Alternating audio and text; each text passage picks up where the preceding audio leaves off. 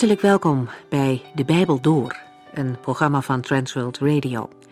De Bijbel Door is een radioserie die u in vijf jaar meeneemt door de hele Bijbel. Van Genesis 1 tot Openbaring 22.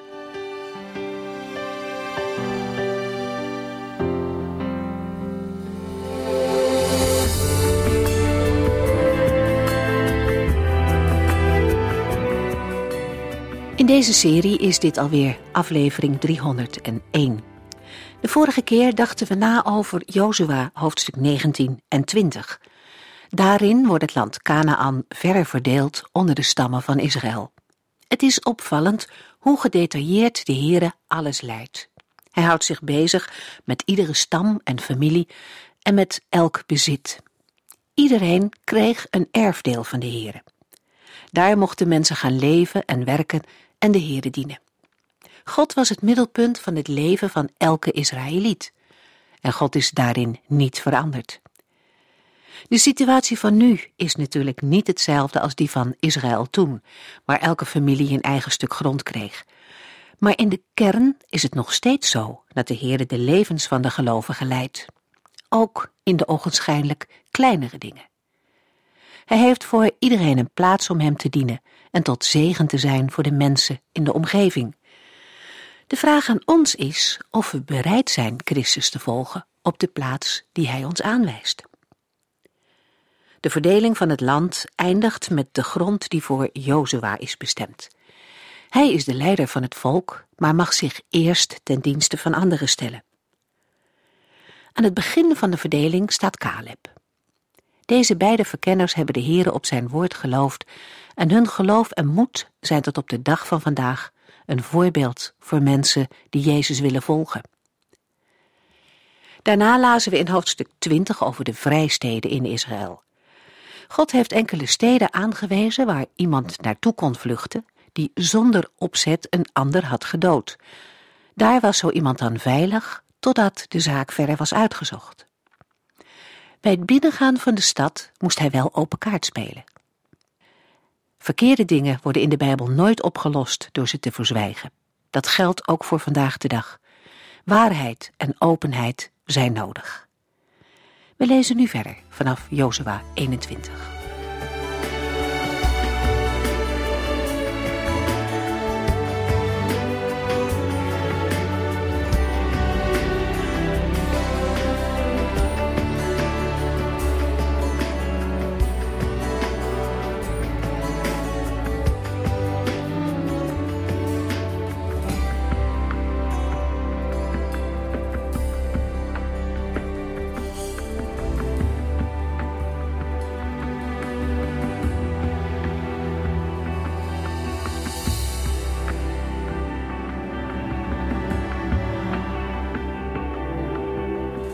In aansluiting op Jozua 20, het hoofdstuk over de vrijsteden, worden in Jozua 21 48 Levietensteden genoemd.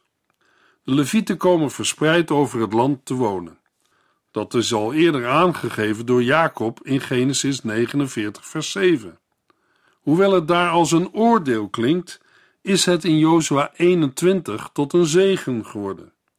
De Levieten hebben de taak het volk bij allerlei gelegenheden te onderwijzen in Torah, de wetten van de Heere, en, ten behoeve van de Israëlieten, offers te brengen. Omdat alleen de mannelijke Israëlieten de verplichting hadden drie keer per jaar naar het centrale heiligdom te gaan, zouden veel Israëlieten maar weinig merken van de werkzaamheden van de Levieten als alles zich alleen rondom het centrale heiligdom concentreerde. De Levieten deden meer. Zij leerden het volk de wetten van de Heere en hadden vermoedelijk ook het recht om te offeren op lokale altaren. Israëlieten konden naar deze lokale altaren gaan bij tal van situaties waarin offers nodig waren. Velen konden niet voor allerlei geloften en reinigingen dagenlang reizen naar het centrale heiligdom. In Exodus 20 lezen we de altaren die u voor mij bouwt, moeten van gewone aarde zijn. Daarop kunt u brandoffers en vredeoffers met schapen en runderen brengen. Op elke plaats waar ik mijn naam laat vereren, zal ik bij u komen en u zegenen. vers 24 tot en met 26. En in 1 Koningen 19, vers 10 en 14 zegt Elia tegen de Heere: Ik heb met grote ijver gewerkt voor de Heere, de God van de hemelse legers. Maar de Israëlieten hebben hun verbond met u verbroken, uw altaren vernield en uw profeten gedood. Alleen ik ben nog over, en nu willen ze mij ook doden. Als leviet mocht ook Samuel offeren. Hij deed dat in Rama, Bethlehem en andere plaatsen. Vermoedelijk kan ook uit de geschiedenis van Micha en de mannen uit de stam van Dan in Richter 17 en 18 de conclusie worden getrokken dat een leviet de bevoegdheid had om te offeren. De levieten kregen geen land, de andere stammen wel. In plaats daarvan kregen zij steden toegewezen op het grondgebied van de andere stammen. De levieten en priesters kwamen allemaal uit de stam van Levi. Jozua 21 vers 1 en 2 De leiders van de stam van Levi kwamen naar Silo voor overleg met de priester Eleazar, Jozua en de leiders van de andere stammen. De Heere gaf Mozes opdracht de levieten weidegrond te geven voor hun vee en steden om in te wonen. Nadat de stammen hun grondgebied toegewezen hebben gekregen, komen de familiehoofden van de levieten naar de priester Eleazar, Jozua en de familiehoofden van de andere stammen van de Israëlieten. Er staat geen tijdsbepaling in de tekst, maar het overleg moet hebben plaatsgevonden na de plaatsing van de tabernakel in Silo. Uit het vervolg blijkt dat de Levietensteden liggen in gebieden van de andere stammen, zodat de verdeling eerst moet hebben plaatsgevonden. Omdat in Jozua 21 ook de zes vrijsteden uit Jozua 20 worden genoemd, is het aannemelijk dat de toedeling van Levietensteden de allerlaatste handeling was. Het overleg vindt plaats in Silo. Silo is Kirbet Seilun, een plaats in het stamgebied van Ephraim, ten noorden van Bethel en ten oosten van de weg van Bethel naar Sichem. Richter 21 vers 19. Op grond van Deuteronomium 12 is deze plaats door de Heere zelf aangewezen en bepaald. Het is een plaats die centraal ligt in Canaan en goed bereikbaar. Daarnaast heeft Silo een goede akoestiek, waardoor een menselijke stem tot op wel 500 meter afstand kan worden gehoord. In Silo konden 10 tot 20.000 mensen tegelijk worden toegesproken. De leiders van de stam van Levi kwamen naar Silo voor overleg met de priester Eleazar, Jozua en de leiders van de andere stammen. Zij herinneren eraan dat de Heer door Mozes geboden heeft hun steden te geven om in te wonen en weidegronden voor het vee. Jozua 21 vers 3 Daarom kregen zij enkele steden met de weidegrond daaromheen. Volgens Leviticus 25 mochten er ook wel andere Israëlieten in de steden wonen. Als een Leviet zijn huis en grond wilde verkopen, was daar een speciale regeling voor. In die tijd was het niet ongewoon dat priesters steden en weidegrond kregen. Vanuit Egypte zijn voorbeelden bekend van steden die moesten zorgen voor het onderhoud van de cultus en de priesters. De tempel van Amun in Thebe bezat ten tijde van Ramses III 56 steden in Egypte en 9 steden in de Levant en in Nubië. De Levant is de historisch-geografische naam voor een gebied direct ten oosten van de Middellandse Zee. Er is wel verschil tussen de Egyptische situatie en die in Israël. In Israël woont de priestergemeenschap in de steden en voorziet in eigen levensonderhoud. Er zijn ook nog andere voorbeelden te noemen uit Babel en Oegarit. In de versen 4 tot en met 8 wordt een algemene verdeling van de Levietensteden beschreven. Bij de toedeling van de steden komen eerst de priesters van de Kehatieten aan de beurt. Die maken deel uit van de stam van Levi en waren nakomelingen van Aaron. Zij kregen dertien steden. De overige Keatieten krijgen tien steden. De Gersonieten krijgen dertien steden en de Meranieten twaalf steden. De taken van de verschillende priesterafdelingen hebben we gelezen en besproken in nummer 4. De Israëlieten geven de steden en weidegronden door het lot zoals de Heer aan Mozes had opgedragen. Vers 8. In de versen 9 tot en met 40 volgt een gedetailleerde lijst van Levietensteden. De priesterfamilie komt eerst. Daarna volgen de families van Levieten. Bij het lezen van Exodus 6 is de afstamming van de priester aan de orde geweest. Voor de legering van de families rond de tabernakel verwijs ik naar nummer 2. Jozua 21, vers 41 en 42. Het totaal aantal steden dat aan de Levieten werd gegeven bedroeg 48. Het beloofde land was nu verdeeld onder alle stammen, zoals de Heere had geboden. Jozua 21, vers 43 tot en met 45. De Heere gaf de Israëlieten al het land dat hij hun voorouders had beloofd. Ze kwamen het land binnen, veroverden het en gingen er wonen. De Heere gaf hun vrede, zoals hij had beloofd. Niemand kon het tegen hen opnemen. De Heere hielp hen al hun vijanden te verslaan. Alle beloften die de Heere aan het volk Israël had gedaan, werden vervuld. In de slotversen van Jozua 21 wordt teruggekeken op de vorige hoofdstukken. De Heere heeft Israël het hele beloofde land gegeven, zoals hij had beloofd aan hun vaderen. Ze namen het in bezit en gingen er wonen. En de Heere gaf hun aan alle kanten vrede, precies zoals hij had gezegd. Niet één van de vijanden heeft voor Israël kunnen standhouden. De Heere heeft hen geholpen bij het verslaan van al hun vijanden. Alle beloften die de Heer aan het volk Israël had gedaan, werden vervuld. Met deze lofprijzing op Gods daden eindigt de beschrijving van de verdeling van het beloofde land. Het land Canaan is beloofd, verdeeld onder de stammen en verkregen. Toch moet er nog heel wat gebeuren. Dat laat het vervolg van het Bijbelboek Jozua zien. Maar in principe is het land nu van Israël. Er zijn hoofdstukken in Jozua waarin de nadruk ligt op dat wat is bereikt. Maar er zijn ook hoofdstukken die aangeven wat nog moet gebeuren. Bijvoorbeeld Jozua 23. Er is dankbaarheid voor dat wat is bereikt. Al blijft er ook steeds een nog niet in de omgang met de Heer. Het is een punt dat steeds weer terugkomt in de Bijbel. Gods woord heeft kracht. Jesaja 55, vers 10 en 11. Maar er is ook zonde en lijden in deze wereld. Ook in de levens van de gelovigen is zowel het volbrachte werk van Christus aanwezig als de eigen onvolmaaktheid. In de toekomst zal Gods woord volledig in vervulling gaan. Zijn rust en vrede komt echt. Jesaja 2 en Openbaring 19 tot en met 21. Het land Canaan werd tijdens de woestijnreis voorgesteld als het beeld van de rust. Deuteronomium 12. De eerste generatie kon in die rust van de Heere niet binnengaan, door ontrouw. Psalm 95. Nu is Israël zover dat het land verdeeld is en volledig in bezit kan worden genomen.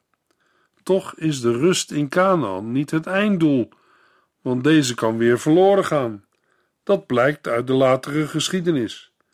Israël faalde meer dan eens door eigen ontrouw. Daarom roept Psalm 95, vers 7 op: Luister toch elke dag naar wat Hij u zegt. De nieuwtestamentische uitwerking ervan vinden we in Hebreeën 3, vers 7 tot en met 4, vers 11. Jozua heeft Israël niet in de sabbatsrust gebracht. Hebreeën 4, vers 8. Er wacht het volk van God dus nog altijd een zuivere, volkomen rust. Hebreeën 4, vers 9. De rust in Canaan is een heenwijzing naar de uiteindelijke rust in het koninkrijk van God. Er wacht het volk van God dus nog altijd een zuivere, volkomen rust. Wie door geloof die rust ervaart, rust uit van zijn eigen werk, net als God. Laten wij ons best doen deel te krijgen aan die rust. Daarom moeten wij ervoor oppassen God niet ongehoorzaam te zijn, zoals het volk Israël, dat daardoor die rust niet kreeg. Hebreeën 4. En hoe kan een mens deel krijgen aan die rust? Matthäus 11, vers 28. Als de lasten u drukken en u vermoeid bent, kom dan bij mij. Ik zal u rust geven. Jozua 22 vers 1 Jozua riep nu de legertroepen van de stammen van Ruben, Gad en de halve stam van Manasse bijeen. Met Jozua 22 begint het slotgedeelte van het Bijbelboek Jozua. De verovering en verdeling van het land zijn achter de rug. Gods beloften zijn uitgekomen. De overjordaanse stammen kunnen nu terugkeren naar hun erfdeel. Maar deze terugtocht wordt zo beschreven dat duidelijk wordt welke godsdienstige belangen er in het geding zijn. In Jozua 22 tot en met 24 worden drie toespraken van Jozua vermeld. Dankbaarheid voor Gods daden in het verleden en oproepen om trouw te zijn aan het verbond komen daarin regelmatig voor. Het gaat daarbij vooral om het dienen van de Heer in het beloofde land, ook als Jozua er niet meer is. Want alleen door gehoorzaamheid aan en het dienen van de Heere is de toekomst veilig. Jozua 22 vers 1 tot en met 3 Jozua riep nu de legertroepen van de stammen van Ruben, Gad en de halve stam van Manasse bijeen en zei: U hebt gedaan wat Mozes, de dienaar van de Heer, u had bevolen. En u hebt elk bevel dat ik u gaf gehoorzaamd. Elke opdracht die u van de Heer uw God kreeg, hebt u vervuld. U hebt uw broederstammen niet in de steek gelaten. De Heere heeft ook aan de andere stammen rust gegeven, zoals hij heeft beloofd. Daarom mogen de stammen uit het overjordaanse nu terugkeren naar het land dat ze in bezit hebben. Het land dat Mozes, de knecht van de Heere, hen aan de overzijde van de Jordaan heeft gegeven. In Jozua 1 vers 12 tot en met 18 is daarover een afspraak gemaakt. Na deze positieve woorden komt er wel een waarschuwing. Jozua 22 vers 5 Zorg ervoor dat u alle geboden die Mozes u gaf gehoorzaamt. Heb de Heere lief en houd u aan zijn geboden en leefregels. Laat hem nooit in de steek en dien hem met hart en ziel. Daarna zegent Jozua deze stammen en laat hij hen gaan. Jozua 22 vers 10 Voordat zij overstaken en terwijl ze nog in het land Canaan stonden, bouwden zij een groot altaar dat al van veraf te zien was. Wanneer ze aankomen bij de Jordaan, bij Gelilot, gelegen in het land Canaan, bouwen zij daar een altaar met grote afmetingen. Jozua 22, vers 11 en 12. Maar toen de overige Israëlieten hoorden wat zij hadden gedaan, brachten zij bij Silo een leger op de been en maakten zich klaar voor een strijd tegen hun broederstammen. Overeenkomstig Deuteronomium 13 wordt er eerst een onderzoek ingesteld. Vers 13 tot en met 15. Joshua 22, vers 16 en 17. De hele gemeente van de Heere wil weten waarom u zondigt tegen de God van Israël door hem ontrouw te worden en een altaar te bouwen dat getuigt van opstand tegen hem. Was onze schuld bij Peor, waarvan wij ondanks de straf nog niet eens zijn gereinigd, nog niet groot genoeg dat u weer in opstand moet komen. Zij dachten dat de overjordaanse stammen een altaar voor Baal hadden gebouwd. Zij herinnerden zich de tijd dat Balak Israël had doen zondigen door ze te verleiden met Moabitische vrouwen te trouwen en afgodendienst plegen. Toen had de Heer hen streng veroordeeld. Nu zijn de andere stammen opnieuw bang dat er verkeerde dingen gebeuren. Maar er volgt een acceptabele uitleg. Jozua 22, vers 21 tot en met 23. De mannen van Ruben, Gad en Manasse antwoorden de hooggeplaatste leiders: Wij zweren bij de Heere, de God boven alle goden, dat wij dat altaar niet uit opstandigheid tegen de Heere hebben gebouwd. Hij weet, en laat ook heel Israël dat goed weten, dat wij dat altaar niet hebben gebouwd om er brandoffers spijsoffers of vredeoffers op te brengen. De vloek van God mag ons treffen als wij dat zouden doen. Maar in waarheid, ze hebben dit uit bezorgdheid om een bepaalde reden gedaan. Jozua 22, vers 24. Wij hebben het gedaan omdat wij vrezen dat uw kinderen later tegen onze kinderen zullen zeggen: Welk recht hebt u de Heere, de God van Israël, te vereren? De Heer heeft immers de Jordaan als een grens tussen ons en uw volk geplaatst. U hebt helemaal geen deel aan hem. Daarom kwam de gedachte op een altaar te bouwen, niet voor brandoffers en slachtoffers, maar als getuige, zowel tussen de huidige als latere generaties, opdat zij de dienst van de Heere voor zijn aangezicht zullen waarnemen met brandoffers en slachtoffers. Dan zullen de kinderen van de westelijke stammen later niet tegen de kinderen van de oostelijke stammen kunnen zeggen dat zij geen deel aan de Heer hebben. De stammen uit Canaan zijn gerustgesteld. Jozua 22, vers 31. Pinegas zei: Vandaag hebben wij gemerkt dat de Heere onder ons is, opdat u niet tegen de Heer hebt gezondigd zoals wij dachten. Integendeel, u hebt ons gered van de vernietiging. Uit wat er is gebeurd blijkt dat de Heer in het midden van Israël is. Een grote ramp in de vorm van een burgeroorlog is voorkomen. De Heer is niet automatisch in het midden van Israël, zoals blijkt uit 1 Samuel 4, vers 3. Maar hier blijkt de goedheid van de Heer. Bedoeld is dat de overjordaanse stammen het hele volk gered hebben van Gods toorn. De beschuldigingen waren ten onrechte. Een les voor vandaag. Soms zouden wij bepaalde dingen niet moeten zeggen en ook niet moeten doen. Zeker, we denken dat we oprecht pal staan voor de Heere, zijn dienst en zijn woord. En dan blijkt dat we het bij het verkeerde eind hebben. We hebben dingen gezien of gehoord, maar ze anders ingeschat dan ze in werkelijkheid zijn of waren bedoeld. Laten we onszelf onderzoeken of wij hier mogelijk de fout zijn ingegaan. En als dat zo is, wijst 1 Johannes 1 vers 9 ons de weg terug. Als wij onze zonden bekennen, is God zo trouw en rechtvaardig ons die te vergeven. Dan reinigt Hij ons van alles wat we verkeerd hebben gedaan. Joshua 22, vers 32 tot en met 34. Daarop gingen Pinegas en de tien afgevaardigden terug naar het volk van Israël en vertelden wat er was gebeurd. Heel Israël was blij en prees God. Van oorlog tegen Ruben en Gad was geen sprake meer. De mannen van Ruben en Gad noemden het altaar het getuigenisaltaar. Ze zeiden: Het is een getuige tussen ons en hen dat de Heere ook onze God is. In Jozua 22 is sprake van het altaar van de tabernakel waar alle offers gebracht moeten worden. De stammen in Canaan zijn bevreesd dat de overjordaanse stammen afwijken van de bepalingen van Deuteronomium 12. Dit wordt meestal zo uitgelegd dat er nergens anders meer geofferd mag worden.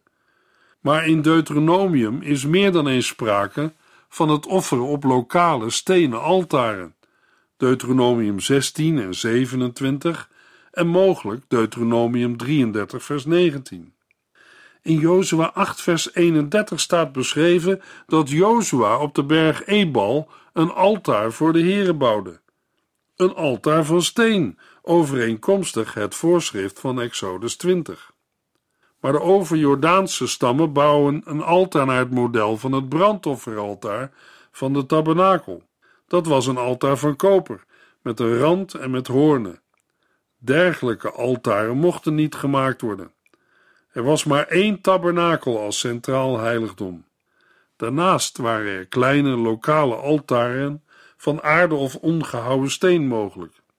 In Jozua 22 gaat het alleen over het landelijk niveau van de cultus, met als boodschap dat er geen concurrentie van de tabernakel mag komen. Later doet koning Jerobiam dat toch, wanneer hij heiligdommen opricht in Dan en Bethel. De bedoeling daarvan is dat de Israëlieten niet langer naar de tempel in Jeruzalem zullen gaan. 1 Koningen 12.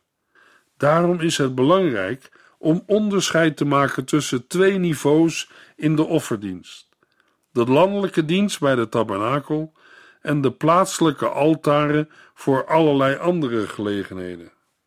Jozua 22 wijst op de verantwoordelijkheid die de Israëlieten hebben ten opzichte van elkaar. In plaats van het isolement en het individualisme is er het besef van de eenheid van het volk en van een gemeenschappelijke verantwoordelijkheid. Als een deel van het volk zondigt, zal heel het volk delen in Gods straf. Joshua 22 geeft uitvoerig weer hoe er wordt onderzocht en geantwoord. Daarmee doet dit gedeelte aan het eind van het boek Jozua ook een appel op toekomstige hoorders en lezers. Het is niet direct nodig om daarbij al de situatie van koning Jerobiam te veronderstellen, want allerlei vormen van eigenmachtige godsdienst kunnen worden bedoeld. Het boek Richteren biedt daar genoeg voorbeelden van. Blijkbaar is het bij geruchten van belang gedegen te onderzoeken en goed naar elkaar te luisteren juist om te voorkomen elkaar niet te snel te veroordelen en te bestraffen. In de loop van de geschiedenis is het in Israël en in de christelijke kerk en gemeente steeds weer een moeilijke opgave gebleken om goed om te gaan met de spanning tussen eenheid en zuiverheid.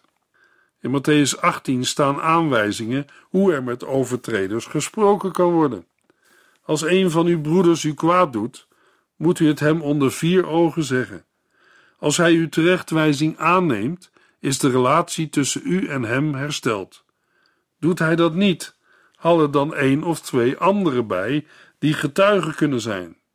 Wil hij nog niet luisteren, leg de zaak dan aan de gemeente voor. Als de gemeente hem in het ongelijk stelt en hij wil nog niet luisteren, moet u niet meer met hem omgaan. Want dit zeg ik u: alles wat u op aarde bindend verklaart, zal ook in de hemel bindend zijn. En alles wat u op aarde ontbindt, zal ook in de hemel ontbonden worden. Dit moet u vooral weten. Als twee van u het hier op aarde eens zijn over iets dat u mijn hemelse Vader vraagt, zal hij het voor u doen. Want als twee of drie mensen bij elkaar zijn, omdat ze bij mij horen, ben ik bij hen. Matthäus 18, vers 15 tot en met 20. In de volgende uitzending lezen we Jozua 23 en 24.